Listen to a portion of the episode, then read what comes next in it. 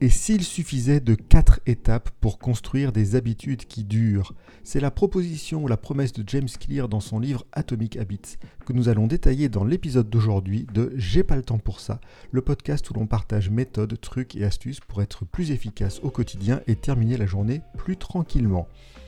Atomic Habits a été habilement traduit en français par Un rien peut tout changer. Et effectivement, c'est un peu la proposition de James Clear de faire des micro-changements, des changements atomiques qui vont avoir un impact plus grand derrière. Pour cela, il s'est posé la question de ce qui constitue nos habitudes. Et il a identifié quatre conditions très simples. Un signal, le besoin, la réponse et la récompense.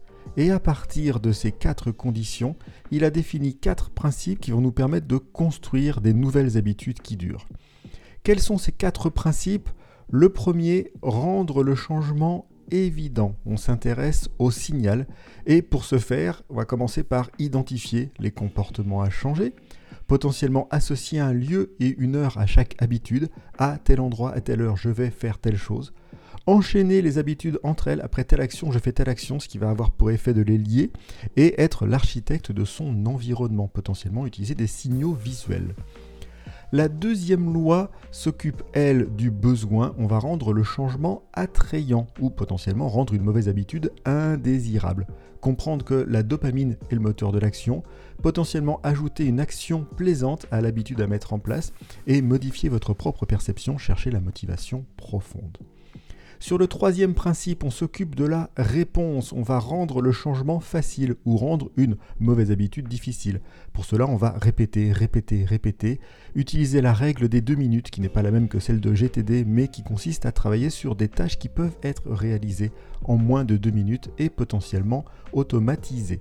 Et enfin, la quatrième loi s'occupe de la récompense. C'est important aussi.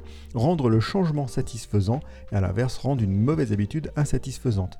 Associer les habitudes à des récompenses immédiates, s'engager publiquement auprès d'un partenaire ou ne jamais rater deux fois. Donc en quatre étapes, rendre le changement évident, rendre le changement attrayant, rendre le changement facile et rendre le changement satisfaisant, vous allez construire des habitudes qui durent. Voilà, c'était issu du livre Atomic Habits de James Clear et on est sur le podcast J'ai pas le temps pour ça. Une proposition en moins de 3 minutes.